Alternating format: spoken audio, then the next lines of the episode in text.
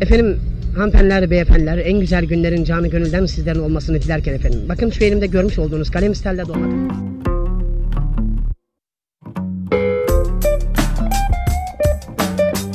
Hoş geldin Tuğba. Hoş bulduk. Merhaba Harun. Nasılsın korona günlerinde? Her şey yolunda mı? Valla korona günlerinde daha önce hiç deneyimlemediğimiz, bilmediğimiz bir süreçlerden geçiyoruz aslında. Deneyimledikçe de yeni şeyler öğreniyoruz. Tabii sağlıklıyız bu arada çok şükür. Ee, ama tabii salgın hayatımızı etkilemeye başladığı günden bu yana başta iş hayatımız olmak üzere iş süreçlerimizde, sosyal hayatımızda, kişisel hayatımızda daha önce yaşamadığımız şeyler yaşadık. Hala da yaşamaya devam ediyoruz. Açıkçası ilk aşamada önce yaşadığımız şeylere bir anlam verememekle ve neler yaşadığımızı öğrenmekle geçti. Sonrasında ne yapmamız gerektiğini öğrenmeye başladık ve sürece daha da adapte olduk. Şimdi ise işimizi, hayatımızı, kendimizi yeni normaller ışığında nasıl bir adım daha öne taşıyabiliriz, geliştirebiliriz onun üzerine çalışıyoruz. Öyle bir süreç içerisindeyiz. Valla aynı şekilde e, ben de öyle. Hepimiz aynı süreçleri yaşıyoruz. Öğrendikçe de biraz daha alışıyor gibiyiz. Ben istersen bir giriş yapayım Tuğba. E, biz hani şimdi Burhan e, pazarlama kiminle konuşuyor şu anda? Konu ne? E, ve neden bu konuyu konuşuyoruz aslında? Tuğba Gider e, Bilgi Üniversitesi'nde MBA yeni tamamladıktan sonra Harvard Business School'da işletme stratejisine eğitim aldı ve yani 15 senelik bir kurumsal hayattan sonra üniversitelerde spor ekonomisi ve finansal fair play, fair play eğitimleri veriyor. Aynı zamanda Türkiye Milli Olimpiyat Komitesi Fair Play Komisyonu üyesi. Eğer e, eksiğim ya da hatam varsa düzelt. E, tam tanımlayabildin mi sence? evet evet e, tam olarak tanımlayabildin. E, şimdi Bilgi Üniversitesi MBA mezunuyum. Sonrasında bir Harvard Üniversitesi'nde bir işletme eğitimi aldım. E, yaklaşık 10 yılın üzerinde bir e, kurumsalda e, bankacılık hayatım oldu. Bireysel ve kobi bankacılığında e, portföy yöneticiliği yaptım. Sonrasında da radikal bir karar alarak kendi eğitim danışmanlık ve finansal danışmanlık şirketi kurdum. E, çeşitli ölçekteki e, şirketlere, startuplara yönetim, finansal danışmanlık gibi hizmetlerin e, yanı sıra aynı zamanda üniversitelerde de e, spor bilimleri fakültesinde mentorluk yapıyorum öğrencilerime. E, tabii bunun dışında Türkiye Milli Olimpiyat Komitesi Fair Play Komisyonu üyesiyim. E, o tarafta da çok e, deneyimli, e, birbirinden kıymetli bir ekiple birlikte e, Türkiye'de ilk defa bizim yaptığımız, hatta Türk, dünya genelinde de ilk defa bizim yaptığımız çok e, ayrı bir organizasyon açıkçası yapıyoruz. Bütün e, üniversiteleri tek tek gezerek oradaki e, öğrencilere e, yine protokole, üst düzey protokolle de bir araya geliyoruz bu seyahatlerimizde biz. E, finansal fair play'i, fair play'i e, ve sonrasında spor ekonomisini e, hem öğrencilerle hem e, değerli akademisyenlerle ve üst düzey protokolle e, paylaşıyoruz.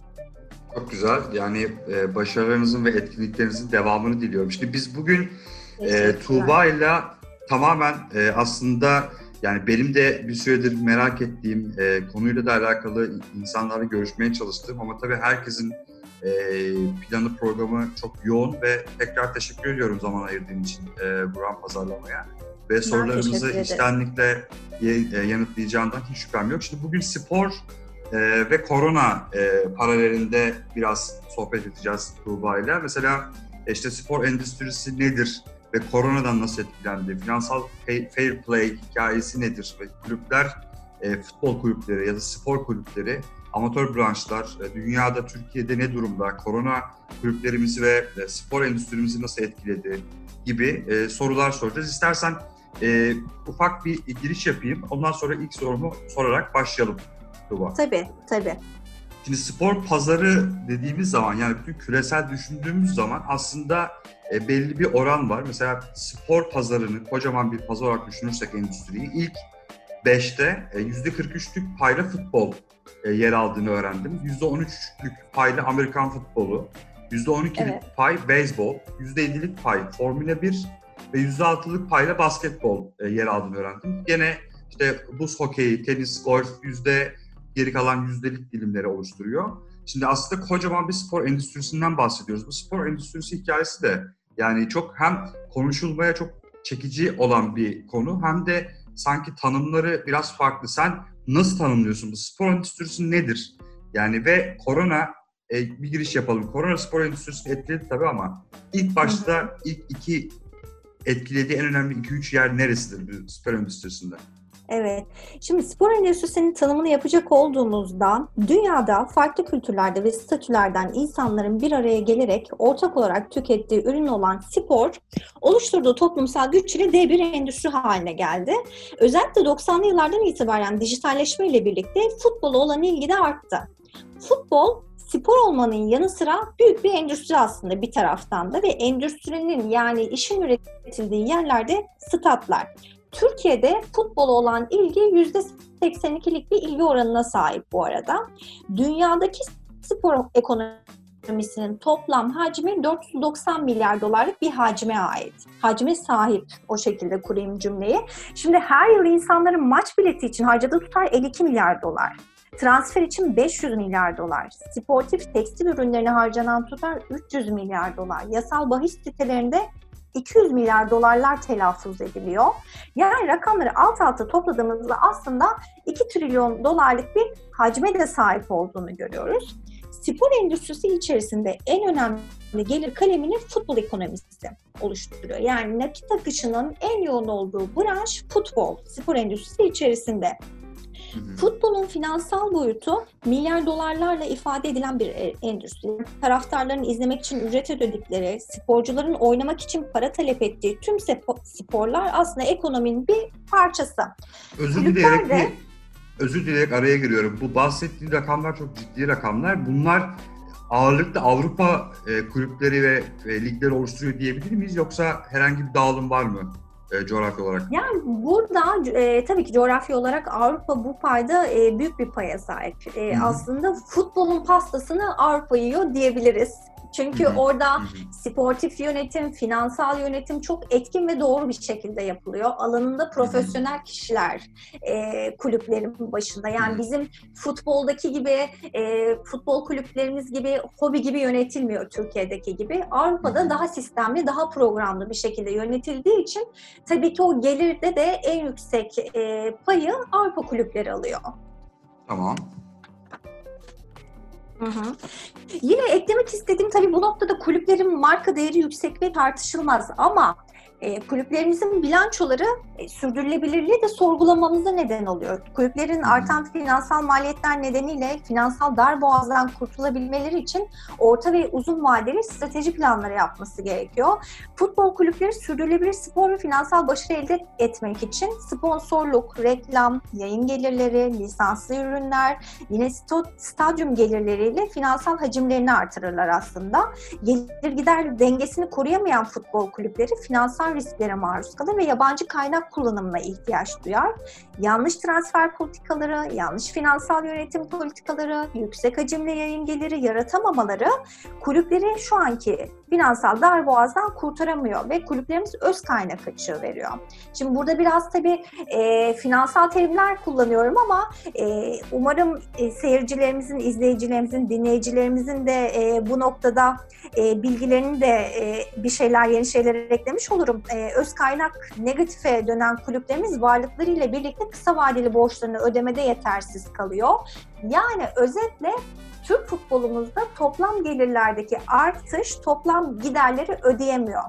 Ee, yine futbolda finansal güç ve sportif güç aynı anda yönetildiği takdirde sürdürülebilir başarı elde edilir. Yani finansal yapılar incelendiğinde kulüplerimizin kısa vadeli çözümler, banka kredilerinin yapılandırılması yalnızca günü kurtarmaya yönelik uzun vadeli çözümler yapıcı ve sürdürülebilirliği getirir. Hani ben burada biraz daha futbol kulüplerimizin finansal yapılarını da yine yüzeysel evet, oraya... bir şekilde anlatmaya çalıştım. Çünkü finansal fair play'e de gireceğiz burada. Evet gireceğiz aynen. Ee, onu girmeden bir başta bir spor endüstrisi nedir e, almak istedim senden. Ya tabii bu endüstri deyince Tuğba böyle şey geliyor kulağa yani spor endüstrisi. Spor artık endüstrileşti ya. Hiç duygu kalmadı, hiç ruh kalmadı.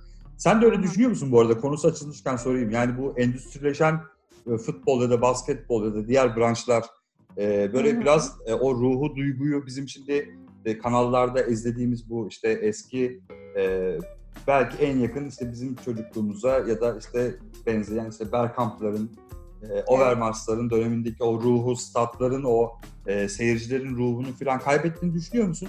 Bunu kısaca bir cevap alayım sonrasında finansal fair play'e doğru geçeceğiz. Tabii ki yani şöyle, e, tabii 90'lı yıllardan sonra e, ticarileşen futbol e, hayatından sonra bence o eski doğallığını da kaybetti bütün müsabakalar. Yani benim çocukluğumda ben Feyyazlar, Aykutlar, Abdullahlar, Tolunaylar, hani Türk futbolundan örnekler vereyim biraz. 80'li 90'lı yılları. E, onlarla büyüdük, onlarla futbolu öğrendik. Tabii şu anda tamamen bir ekonomi para üzerine kurulu bütün sistem. O yüzden ben de masumiyetini açıkçası kaybettiğini düşünüyorum. Peki bu şimdi tabii bir de şey var. Finansal fair play e, durumu var. Yani evet. şimdi tabii daha korona korona paralelinde ve spor ve korona paralelinde konuşacağız. Yani Hı hı. bu yorumlar hem tanımlamalar e, barındırıyor. Tuğba'nın yaptığı yorumlar hem de koronanın da etkilediği e, bir hadise olduğu için bu bugüne dair. Şimdi bu paralelde soracağım. Finansal fair play dediğimiz şey nedir? Ve korona virüsü son 2-3 ayda kulüplerin finansal fair play durumlarını e, etkiledi mi? E, ya da işte atıyorum e, pardon Hı hı. şöyle sorayım. Finansal fair play nedir? Ve koronavirüsü e, finansal fair play içerisinde savaşan, mücadele eden bizim kulüplerimiz en azından e, ne kadar ne yönde etkiledi? Ne kadar etkiledi? Şimdi finansal fair play'de Türk kulüplerinin durumunu öncelikle konuşalım. Burada futbol kulüplerinin gelirlerindeki artışla birlikte giderleri de önemli ölçüde arttı. Artan gelirlerin etkin yönetilememesiyle birlikte verimli yönetilememesiyle birleşince sorunlar ve kulüplerde e, mali disiplinlerde sıkıntılar oluşmaya başladı.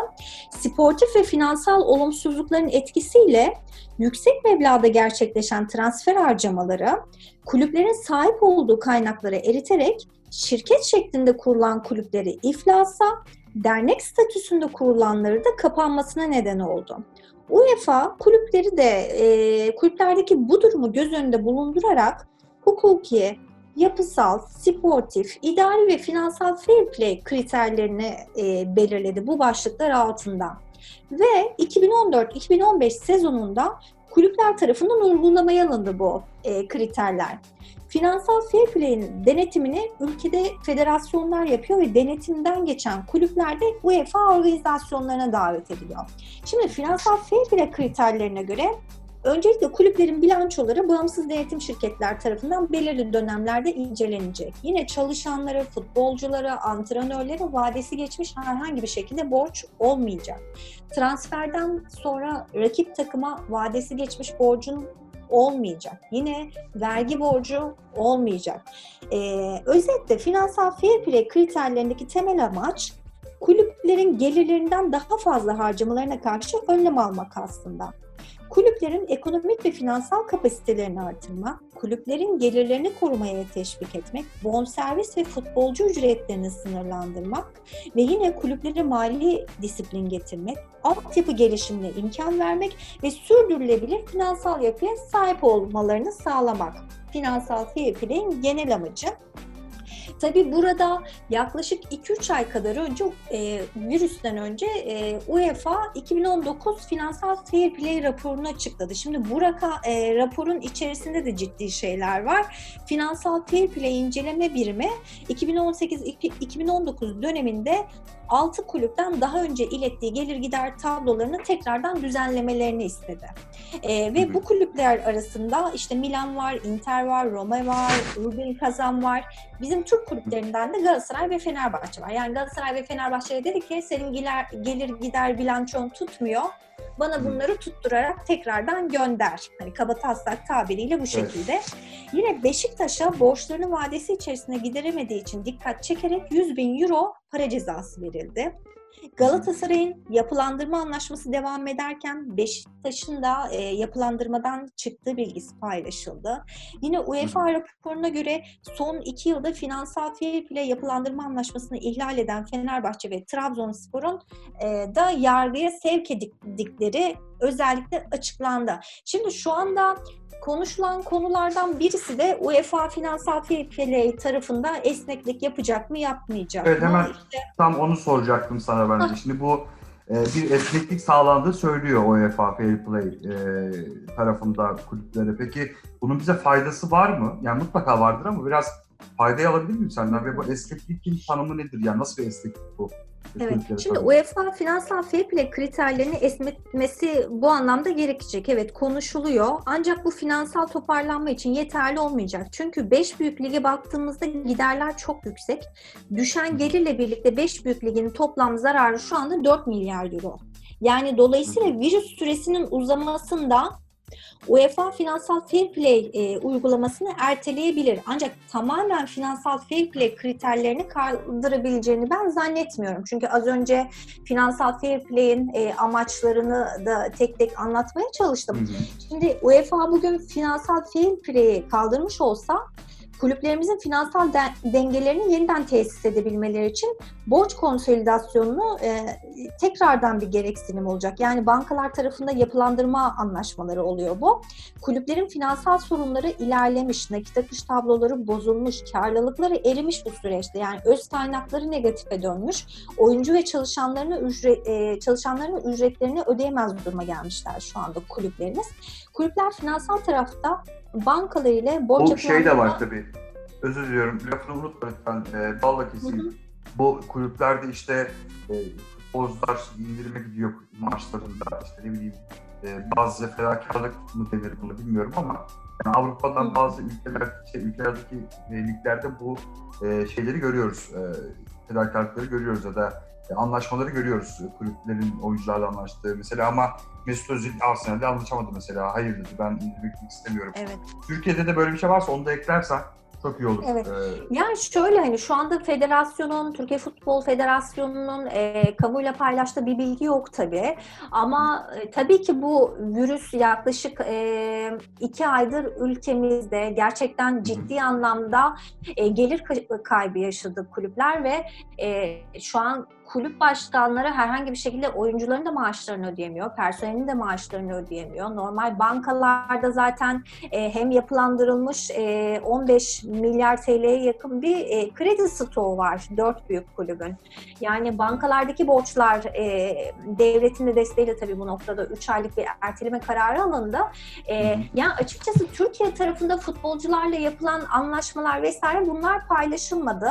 Dünyada paylaşılan kulüpler oldu. İşte oyuncuların aldığı e, maaşlar yarı yarıya indirildi ya da işte ertelendi şeklinde gibi kararlar açıklandı ama Türkiye'de henüz buna dair bir açıklama yok açıkçası. Ben hani basından da takip ettim, e, yayıncı kuruluşlardan da bununla ilgili bir şey e, görmedim, duymadım. Genel olarak e, finansal fair play tarafında kulüplerimiz gelir yaratamadıkları için e, giderlerini karşılayamayacaklar ve e, finansal fair play kurallarını da ihlal edecekler. Koronavirüse özel finansal fair play kriterleri tabii ki esnetilecek. E, tabii burada süreç uzarsa yine kriterlerin e, esnetilmesi süreci de uzar mı? O noktada e, herhangi bir şey paylaşılmadı UEFA tarafından da. Ama e, finansal kriterler yerine getirilmediği için bu virüs sürecinde finansal fair play kriterlerinde de esneklik söz konusu. Yani bu bir e, en azından e, ne kadar şey olur bilmiyorum ama bir fırsat yani finansal fair play noktasında UEFA organizasyonuna e, katılmayan e, birçok kulüp var, ceza alan kulüp var. Bu bir fırsat. Peki e, bu şeye gelmek istiyorum biraz daha. Türkiye'ye gelmek istiyorum. Mesela zaten bir borç batağında olan Fenerbahçe, Galatasaray, Beşiktaş, Trabzonspor gibi kulüpler yani bundan mutlaka etkilendi tabii. Peki bunun geri dönüşü nasıl olabilir? Yani koronavirüsünün etkilediği bütün bu kocaman devasa yapı Türkiye'de de belki ekonomide birkaç e, yayıncılık anlamında belki lokomotiflerden bir tanesi olabilecek yapı nasıl kurtarılır? Hı. Yani neler yapılabilir Tuğba? Koronavirüsü sürecindeki zararların Hı hı. döndürülmesi Yani adına. şöyle Türk futbolu açısından Ekonomik ve yönetsel olarak alabilirim bunu ikiye bölersek. hı, hı hı. Yani Evet. şöyle şimdi koronavirüsün ekonomik anlamda Türk futboluna maliyetini baktığımızda öncelikle Türk futbolunun başlangıçta %25-30 aralığında maç günü gelirleri, logolu ürün satış gelirlerinde bir azalış olacak haliyle. 2018-2019 sezonunda 491 milyon TL'lik yaklaşık maç günü gelirlerinde 2019-2020 sezonunda 200 milyon TL'ye yakın bir gelir kaybı olacağını düşünüyorum. Kulüpler yine yayıncı kuruluşlarıyla anlaşması üzerine artan kur risklerinden gol yemeye devam edecekler. 2019'da kulüpler yayıncı kuruluşuyla 500 milyon dolarlık yayın ödemesini zarar ettiği bahanesiyle 410 milyon dolara indirmiş ve kalan 410 milyon dolar ödeme içinde kuru 5.80'den e, fixlemişti. Kulüpler bir yandan 90 milyon dolar gelir kaydı, diğer taraftan kur fixlenmesi yönünde ciddi zarar etmişlerdi. Şu anda kur 6.9, 6.90 seviyelerinde. Bu taraftan gelen gelir kaybı diğer anlamda kulüp zararı da 400-450 milyon TL'ye yaklaşıyor açıkçası. E, 2018-2019'da 1.3 milyar TL'ye ulaşan ticari gelirde gelirlerde de yine 2019-2020 sezonunda %25-%30 aralığında bir gelir kaybı olacak. E, tabii Bu ki kulüplerin toplam ticari geliri değil mi bahsettiğin rakam? Evet evet aynen Türk kulüplerimizler. Tabii şimdi bu noktada gelir yaratamadıkları için kulüplerimiz bir likidite ihtiyacı da duyacak aslında. Hani e, bankalara da yönelme ihtiyacı duyacak e, Türk kulüpleri. Yani kulüplerin gelirleri düşeceği için giderlerini karşılayabilmek adına ilave kredi talepleri olacak. Mevcutta 15 milyar TL kredi stoğu bulunan kulüplerimizin 2,5-3 milyar TL'ye yaklaşık kredi ihtiyacı olacak. Şu iki aylık virüs sürecinde e, giderleri karşılayabilmek için. Yani bu iki aylık şunu an- anlamak istiyorum tam olarak özür dilerim. Araya giriyorum bazen Tuğba ama Hı e, rica ederim. iki aylık, üç aylık kaybın e, kredi ihtiyacını 2 milyar kaç dedin? 2,5 milyar ile 3 milyar TL aralığında olacak. Hı, tamam 2,5 milyar, Yani. 3 milyar TL'lik aslında bir e, backup'a ihtiyaç yani kurtarılmak, Aynen öyle. Kurtarılması Tabii, gereken tabii. bir şeye Yani böyle bir şu anda Aynen. kulüplerimizin bizim 3 milyar TL'lik bir likiditeye varlığa ihtiyacı var. Bunu da tabii bankalara yönelecekler kullanmak için. hı, hı. Bankalardaki maliyeti de şu anda e, %10 civarında yaklaşık. Yani e, 2,5-3 milyar TL'lik kredi kullandığında 250-300 milyon TL'lik bir faiz ödeyeceği anlamına geliyor bu da. Yani toplam gelir kaybını kulüplerimizin şu anda 1.1 milyar TL olarak düşünebiliriz. Şimdi Türk futbolu gelirlerinin büyüklüğü de 4.2 milyar TL olduğunu düşündüğümüzde virüs nedeniyle Wow. toplam gelirlerde de aslında bir Evet. %25, %30 aralığında bir e, şey olacak, e, azalma olacak. Doğru yani böyle e, hesap kitap yaparak bakınca gerçekten koronavirüsün e, da verdiği zararı zaten sallantıda olan bir e, şeyin e, arabanın artık lastikleri patladı patlayacak yani bu hep uzun süredir şey konuşuluyor yani bu televizyon programlarında diğer referans kaynaklar benim de severek izlediğim işte mesela Bağış Erkan gibi, Ali Ece gibi, e, Mehmet Demirkol gibi insanlardan hep şey genel olarak şeyi duyuyorum Tuğba. E, Türk futbolu e, kötü gidiyor. İşte patladı, patlayacak, çatlayacağız. Ya bunun sınırı sonu nedir? Yani şu anda da artık bir şey olmazsa e, bu şeyi de depremi de atlatırsak yani ileride daha olumlu konuşabilir miyiz ilerisi için? Böyle bir pozitif yanı var mı hiç? Yani her şey negatif, okey, buna okeyiz. Yani hiç Evet. pozitif tarafı yok mu ilerisi için ya? Yani dediğim gibi bu e, yani paranın e, rakamı arttıkça, yani hacimler arttıkça e, ma- gerçekten masumiyet kayboldu ve e, futboldaki yönetimin de çok önemli olduğunu az önce belirttim. Maalesef ki hani e, mesela bir Real Madrid'e örnek vereyim size. Real Madrid e, sportif birimin başında o alanda deneyimli profesyonel bir e, kişi görev yapıyor. Mali tarafta yani kulübün bilançolarını takip eden kişi o alanda profesyonel bir kişi. Maalesef ki bizim Türk e, futbolunda böyle bir şey yok. Yani e, profesyonel ekip tarafından yönetilmiyor. Ben bunu üniversitedeki ziyaretlerimde oradaki öğrencilerime de söylüyorum. Yani sizler Gelen sorulardır bu arada tabii. Evet. Tabii tabii. Yani diyorum ki onlara arkadaşlar siz geleceğin spor yöneticisi adaylarısınız. İleride o koltuklarda sizler oturacaksınız. O yüzden para ne demek? Para nasıl yönetilir? Parayı nasıl kullanırsın? Ee, yatırım şekilleri nasıl? Ya bunları en azından hani bir şekilde öğrenin. Şimdi e, maalesef ki bizim Türk futbolumuzda e, hobi amaçlı kulüplere gidiliyor. Orada bir mesai harcanmıyor. Halbuki kulüplerinizin başında mesai harcayan yöneticilerimizin de olması lazım. Yani asıl işi olması gerekiyor o yöneticinin. Yani X bir şirketin sahibi olup da kulüplere haftada 2-3 gün gidip 1-2 saat harcı, e, harcayarak futbolu yönetemezsiniz. Yani e, hobi olarak futbol yönetilemiyor.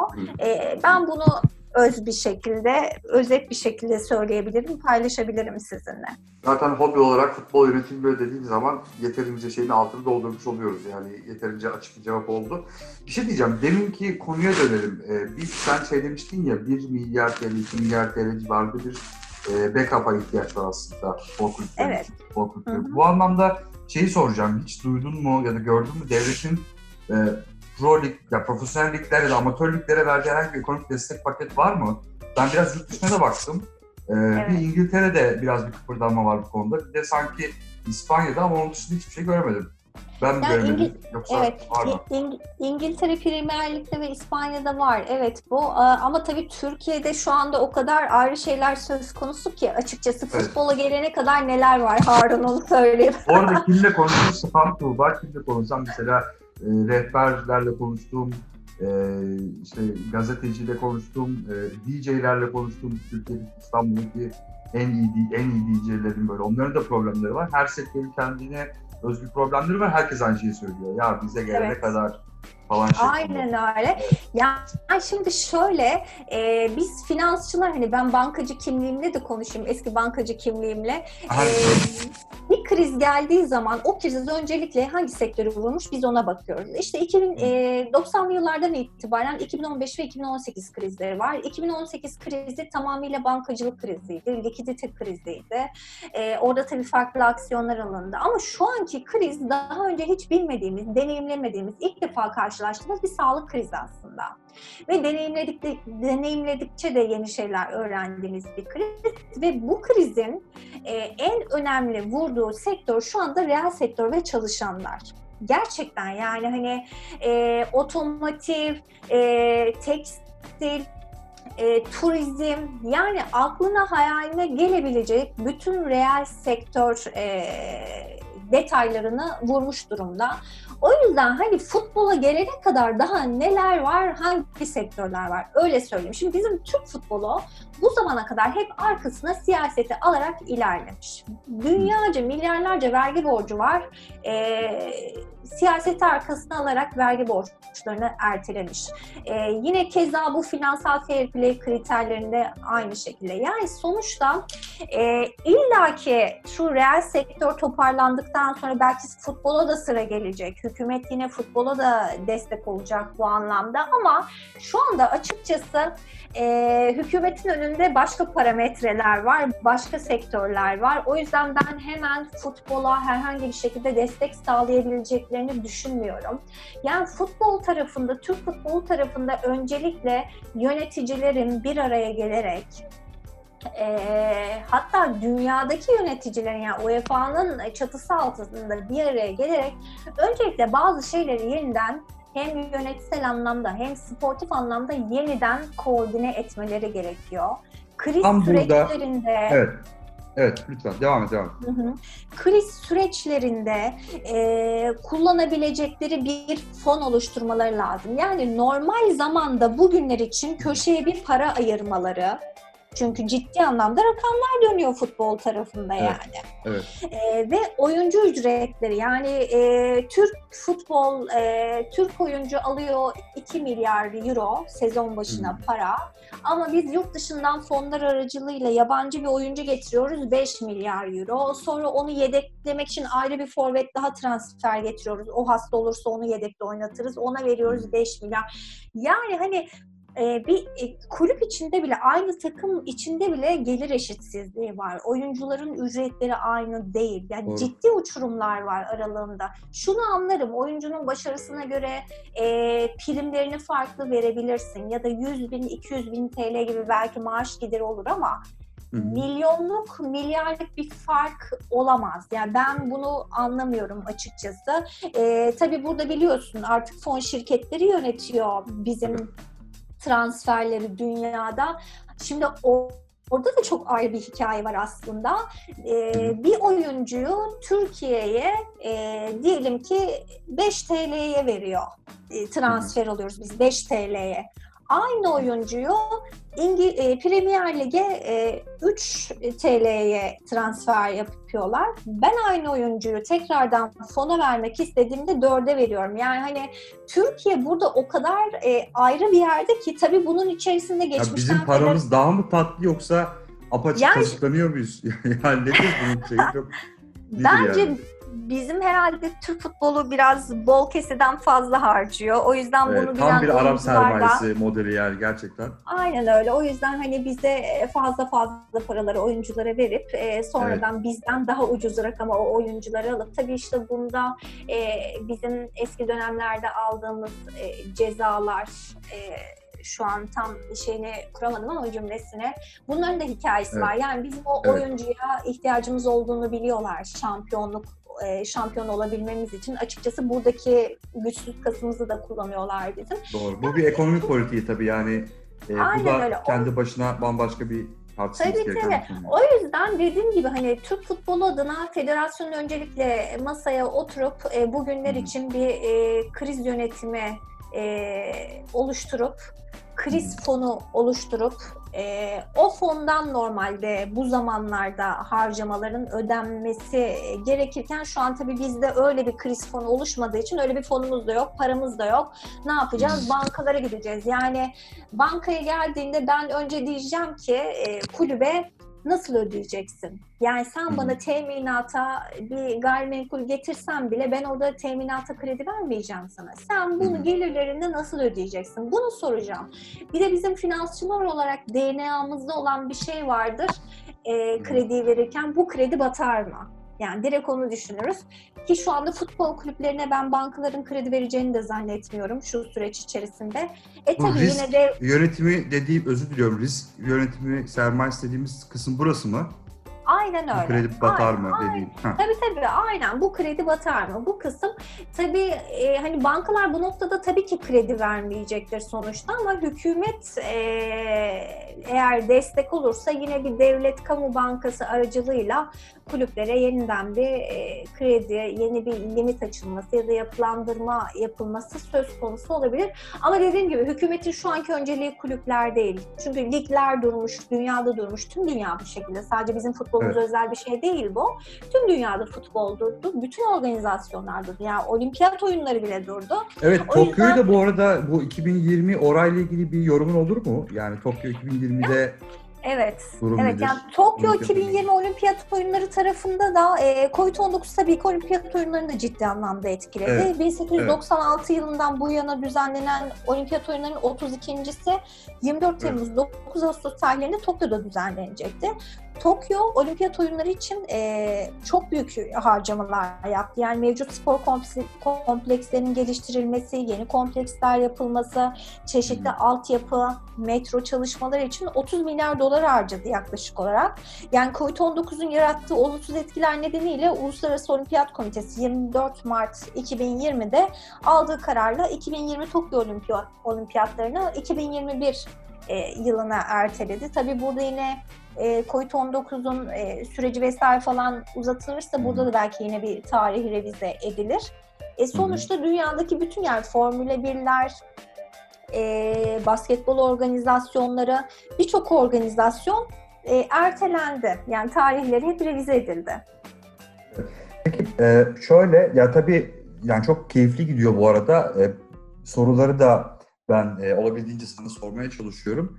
Ee, Burada şeyi merak ediyorum. Bu borçların yapılandırılma süreciyle alakalı. Bu Beşiktaş, Galatasaray borçları yapılandırdığını biliyoruz ve ama mesela Fenerbahçe e, bu burada çok e, şey yapmadı, yapılandırmadı. Buradaki Evet. şey nedir? E, Fenerbahçe'nin ayrı durmasını ya da Beşiktaş, Galatasaray, Trabzon'un borçlarının yapılandırılmasının Şimdi Peki bir önceki sezonda bir önceki sezonda 2018-2019 sezonunda Beşiktaş, Galatasaray, Trabzonspor yapılandırma yaptı. Evet. Fenerbahçe Başkanı Ali Koç'un açıklamalarına göre şimdi Fenerbahçe kulübünün 600 milyon euro borcu var. Borsa İstanbul'a gönderilen kamu aydınlatma platformundaki verilere göre Fenerbahçe'nin 1 milyar TL'nin üzerinde borcu bulunuyor. Yani kulübün önemli tutarda finansal borcu var. Bankalar tarafında borç yapılandırma oranını yüksek bulduğu için yapılandırma anlaşmasını Ali Koç e, kabul etmedi. E, 2020'de faiz oranları bir önceki yıla göre çünkü e, Galatasaray, Beşiktaş, Trabzonspor 2018-2019 sezonunda yapılandırma yaptığı için o dönemde kredilerin maliyetleri daha yüksekti. Yani Hmm. kredi maliyetleri yaklaşık olarak %25 ile %30 aralığındaydı. Ama şu Hmm. anki kredi maliyetleri %10 ile %13 aralığında. Yani Fenerbahçe şu anda bu sezon eğer yapılandırma yaparsa aslında diğer Daha rakiplerine düşükten göre daha düşük maliyetli yapılandırma yapacak. Ya şimdi borç yapılandırma tarafında da şöyle bir şey var Harun. Yani e, şeffaflık yok. Kulüpler Evet. ne kadarlık borcu yapılandırdı. E, sonrasında e, hangi, Hangi borçları kulübün yapılandı? Aynen. Hangi kulübün e, ne kadar borcu var, hangi faiz oranıyla yapılandırdı, faiz e, teminat vesaire alındı mı, vadesi ne oldu? Yani bunlar kamuoyuyla e, herhangi bir şekilde paylaşılan bilgi değil açıkçası. O yüzden bizim Türk futbolumuzda e, şeffaflık olmadığı için bunları da bilemiyoruz. Tabii çok net bir şekilde de analiz edemiyoruz. Sadece işte kamu aydınlatma platformundaki verilere göre, başkanların yaptığı açıklamalara göre e, bu veriler ışığında gerekli hesaplamaları yaparak paylaşıyoruz biz de.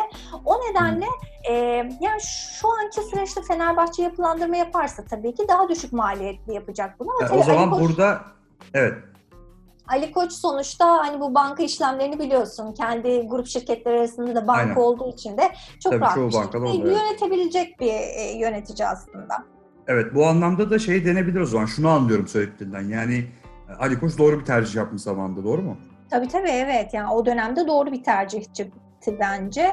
E, çünkü gerçekten maliyetlerin ve faiz oranlarının çok yüksek olduğu dönemde diğer kulüpler yapılandırma yaptı.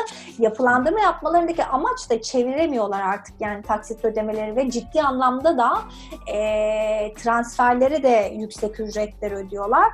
O yüzden e, gelirleriyle giderlerini karşılayamadıkları için kısa vadeli çözüm olarak borç yapılandırmayı e, etkin gördüler. Borç yapılandırma yaptılar ama sonuçta onları o borç yapılandırma 4-5 ay e, bir şekilde götürecek. Yine borç batağında kulüpler yani o borç batağından ben çıkabileceklerini düşünmüyorum açıkçası. Evet zaten bu yani görünüm itibariyle artık e, halka da e, yansımış bir şey. Yani ben de bir spor tüketicisi olarak Fenerbahçeliyim. E, Fenerbahçe'nin aldığı transferlerden bu Van Persie en son artık e, son e, heyecanımızdı.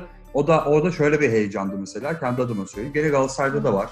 Hoş e, Drogba geldiği zaman bayağı iş yaptı kendisi sağ olsun ama Van Persie geldiği zaman e, tabii ki heyecanlanan bir taraftar grubu vardı ama şunu biliyorduk mesela Tuba. Yani ya bu böyle gitmez, gidemez. Yani bu e, bir 15-20 senedir senelik bir hikaye olacak ve şu an gerçek üstü bir e, durum yaşanıyor. Sanki kocaman bir illüzyon yaratılmış durumda futbol ekonomisi için, dönmesi için o da. Ve taraftarlar da bu illüzyonun içerisinde kayboluyorlar, mücadele ediyorlar, hırslanıyorlar, işte seviniyorlar falan ama aslında gerçek değil hiçbiri çünkü yani inanılmaz bir borç batağı var. Aslında yurt dışında olsa çoktan batmış, kapısına e, kilit vurulacak olan kulüpler şu anda burada sanki hiçbir şey yokmuş gibi transfer haberleri çıkıyor hala sağda solda. Ben ona çok şaşırıyorum ama tabii yani Evet. hepimiz yani Galatasaray'da, Fenerbahçe'nin de, Beşiktaş'ın da, Trabzonspor'un da diğer Anadolu kulüplerine bu arada hiç değinilmiyor. Yani orası Allah bilir ne durumda. E, Onların tabii Evet. çok büyük olmadıkları için düşüşleri daha küçük oluyor, daha düşük oluyor Fenerbahçe Galatasaray'a göre ama yani bu Covid'in de Anadolu e, kulüpleri ya da amatör branşları mesela alt ligleri e, ne konuda etkilediğine dair de belki ileride sadece amatör kulüpler için bir e, röportaj bile, bir sohbet bile yapabiliriz. E, ben Tabii, tabii. sizinle e, şeye geçmek istiyorum. Bu Covid sonrası yayıncı kuruluş e, ve TFF'de bizi neler bekliyor ya da e, milli e, şeyin e, o Milli Olimpiyat Komitesi'nin ya da TFF'nin ya da diğer e, yayıncı kuruluşun paralelinde yorumun olur mu bu konuda? Mesela post Covid'de bizi ne gibi bir şey bekliyor, e, bir durum bekliyor? Ya şu koronavirüs Ekonomik ve yönetsel nedeniyle- anlamda genel. Hı hı. Koronavirüs nedeniyle ligin ertelenmesi, yayıncı kuruluş e, açısından değerlendirdiğimizde 2019 3. çeyrekte federasyon ve yayıncı kuruluş arasında bir kriz çıktı. Kurlarda yukarı yönlü artış, kulüplere güncel kurlar üzerinden ödeme yapan yayıncı kuruluşu ödeme yapmamaya itti. Yayıncı kuruluş kurların çok art- arttığını, zarar zarar ettiğini, bu lig bu kadar para etmez, Dijitürk'ten başka kimse bu parayı vermez gibi söylemleri oldu. Dolayısıyla çeşitli spekülasyon haberlerle daha düşük kurda anlaşarak daha düşük gelir ile yayıncı kuruluşla bizim kulüplerimiz uzlaştı. Sonuçta naklen yayın krizinde kulüpler ile yayıncı kuruluş dolar TL kurunu 5.80'den fixlemişti ama şu anki kurlar 6.90'larda tabii. Ee, yayıncı kuruluş en başta karlı olarak görüp bu işe girdiğine göre ödemelerini de açıkçası tam ve zamanında şu anda yapmak durumunda. Süper Lig tarafında e, Orada yine- kazanan kim oldu bu arada? Hemen araya gireyim lütfen dedi. yani şöyle başlangıçta tabii e, kur 5'lerdeyken 5.80'de fixlediği için e, o dönemde kur e, 5 5.30 5.50 bu civarlarda seyretti ve kulüplerimiz buradan ciddi gelir kaybı yaşadı. E, ama şu anda tabii ki e, kur arttı. E, oradaki tam hesaplamayı şu anda yapamayacağım tabii ama e, şu anki durum kulüplerimizin biraz daha yararına. Ama tabii burada yayıncı kuruluş gelip de işte kriz var ben bu parayı şu anki kurdan ödeyemem işte 5.80'den ödeyeyim yine ya da düşük bir kurdan da diyebilir açıkçası. O noktada bizim e, federasyonumuz, e, kulüplerimiz buna nasıl cevap verir onu da önümüzdeki günlerde göreceğiz. Peki burada e, şimdi ben son bir iki soruya geleceğim. Eğer yorumların Hı hı. olursa sonrasında zaten gene ekleme yapabilirsin e, kendi Tabii. e, adına yorumlarında. Burada e, şeyi merak ediyorum. E, şimdi bu herkesin evde olduğu bir süreç yaşıyoruz ya işte sen de ben Evet. de ya da diğer e, ya insanlar da ekonomistler, işte spor severler, ne bileyim spor oynayanlar, spor oyunlarını oynayanlar vesaire. Burada e-spora dair bir yorumun olur mu? E-spor ekonomisine dair. Yani e, çünkü e-sporun zaten yükseldiğini görüyoruz. Yani artık Steam dediğimiz hikaye, e, uygulama e, kat be kat e, kar yapıyor ve oyunlar artık hiçbir zaman olmadığı kadar her zamankinden daha fazla oynanıyor. E, dolayısıyla karlılıkları da bir o kadar artıyor. E-sporun bu Covid-19'un, koronavirüsünün e-sporuna e, pozitif anlamda bir etki yaptığını düşünüyor musun? Ya da ekonominin, spor ekonomisinin, endüstrisinin buraya doğru artık biz yavaş yavaş geçelim. E, operasyonel maliyetler çok yönetilebilir değil. E-spor daha yönetilebilir gibi bir yorumu var mı mesela? Ne dersin? Hı hı.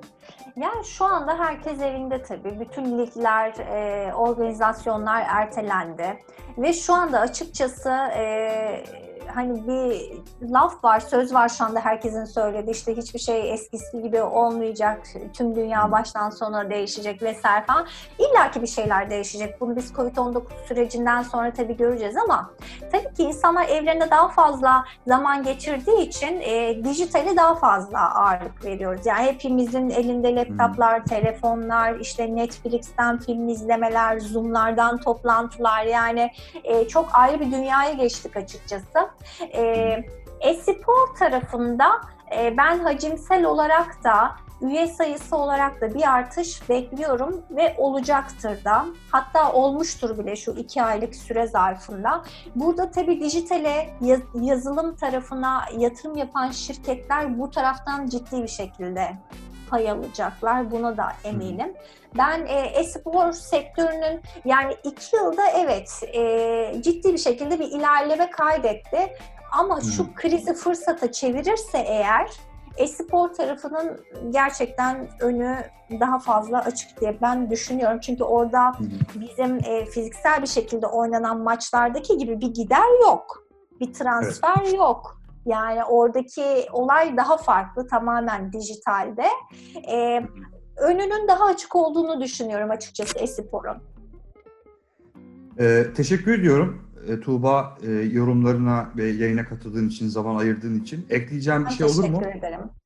Yani sonuç olarak eee, şöyle genel bir şey söyleyeyim. Avrupa Kulüpler Birliği ve UEFA ile birlikte çalışan FIFA'nın belirleyeceği kararlarda liglerin hemen ardından da Ağustos 2020'de Avrupa Kupası müsabakasının tamamlanması planlanmakta. Şimdi eee, şu an sonraki COVID-19'dan sonra olabilecekleri söyleyeceğim. Eee, maçların ertelenmesinin gelir gider dengesi üzerinde oluşturduğu olumsuz nakit akışı her şeyin yeniden eski sürece dönmesiyle doğrudan ilgili aslında. Yani COVID-19 öncesi ve sonrasında oluşan sürdürülebilir olmayan finansal sıkıntılarda futbolu yöneten üst kurumların ayırdığı fonlar kulüplerin içerisinde futbolcu ve teknik kadrolarda çalışanların maaş indirimleri, yayıncı kuruluşlarla olan sözleşme sürelerinin revize edilmesi kısa vadeli olarak e, düşünebilir. Yani kısa vadeli çözümler olarak düşünebiliriz bunlara. FIFA ve UEFA tarafından alınacak kararlarda uzun vadede futbol ekonomisinde yer alan aktörlerin yönetsel ve finansal faaliyetlerinde değişiklik olacağı aşikar. Yani biz hem finansal tarafta hem yönetimsel tarafta değişikliğe gitmediğimiz sürece bu tarz krizleri herhangi bir şekilde yönetemeyiz. Yine kulüplerin nakit bütçe yönetimi, transfer politikaları, kısa ve uzun vadeli yükümlülükleri, yatırımcı ilişkilerinde de bir takım değişiklikler olacak. Çünkü borsalarda kulüplerin şu anda hisseleri vesaire falan da düştü. Covid-19 süreci futbolun sadece futbol olmadığını, oyuncuların verdiği evde kal mesajları, yaptıkları maddi yardımlar ile de e, futbol ciddi anlamda farkındalık oluşturdu. Yani oyuncular tarafında gerçekten kriz sürecinde tüm dünyada, tüm küreselde futbol oyuncuları gerçekten ciddi farkındalık oluşturdu. O nedenle futbol uluslararası turnuvalar, şampiyonluk ünvanları, ezeli rekabetler, tribünlere geri dönmek için gün sayan futbol severler, yayıncı kuruluşlar, sponsorlar gibi futbol içinde yer alan birbirinden kıymetli aktörlerle e, dev bir endüstri aslında futbolda. Ben bu zorlu süreci en kısa sürede atlatacağımıza ve e, eski sağlıklı günlerimize geri döneceğimize yürekten inanıyorum. E, Türk futbol adına da umarım e, kriz sürecinden sonra, COVID-19'dan sonra gerekli adımları atarak gerekli önlemleri alır ve şu kriz fonunu da kurarlarsa en azından normal zamanlarında bu kriz dönemleri için çalışırlarsa yavaş yavaş finansal darboğazdan çıkabileceklerini umut ediyorum. Ya gerçekten söylediğin şey önemli. Futbolun gerçekten uzun süredir e, sadece futbol olduğunu düşünüldüğü bir ortamdan sadece futbol olmadığını düşündüğümüz bir ortama tekrar şey yaptık. Eskiden bir reklam vardı. Futbol sadece futbol değildir. Kimini de hatırlamıyorum ama yani mesela Evet. şey var. e, ben de bir sonraki bir şey ekleyeyim izninle. Bu mesela işte İngiltere Premier Lig'de işte futbol maçlarının oynanması gerektiği ne dair e, federasyon ya da devlet tarafından açıklama yapıldığı zaman futbolcuların çoğu istemediğini biliyoruz. Hayır biz istemiyoruz oynamak şu anda çünkü yani bizim canımız var, biz de insanız yani mekanik değiliz. Şu anda bence oyuncular da yavaş yavaş bu mekanik süreçlerin içinden çıkıp daha böyle e, elle tutulur ve insanın doğasına daha yakın olan e, duyguya doğru e, evrildiklerini ben görüyorum bütün dünyada. Bu da çok olumlu bir şey. Almanya'da gene tabii e, bu e, alınan önlemleri e, en erken e, iptal eden ve işte idmanların başlatan e, lig olarak biliyorum Bundesliga. Şu anda idmanlar başlamış diye biliyorum, bilmiyorum yanlış biliyorum ama Evet, e, az evet. ufak da olsa devletler ufak ufak bu tarafta biraz esneklik sağlayabiliyor e, koronavirüsün getirdiği zararları önlediği ölçüde. Ama yani gerçekten artık e, futbolcular da, taraftarlar da yani işte biz artık sağlığımızdan olmayalım da hani futbolda olmasın yeter yani ne olursa olsun noktasındayız. Ben tekrar teşekkür ediyorum Tuğba e, katıldığın Ben için, teşekkür yorumların için. ederim. Gerçekten Ben böyle hem keyifli ederim. oldu hem veri dolu böyle veri dolu bilgi dolu bir e, sohbet oldu. E, İleride belki tekrar e, bu kriz olmasa da ben bu ekonomik politik hikayeleri çok seviyorum e, spora dair. Tekrar Evet. konuşmak isterim seninle. Her zaman tabii seve seve, seve seve mutlaka yaparız ederim. tekrardan. Ben teşekkür ederim Harun. Sağ ol. İyi günler, dikkat et kendine. Hoşça kal.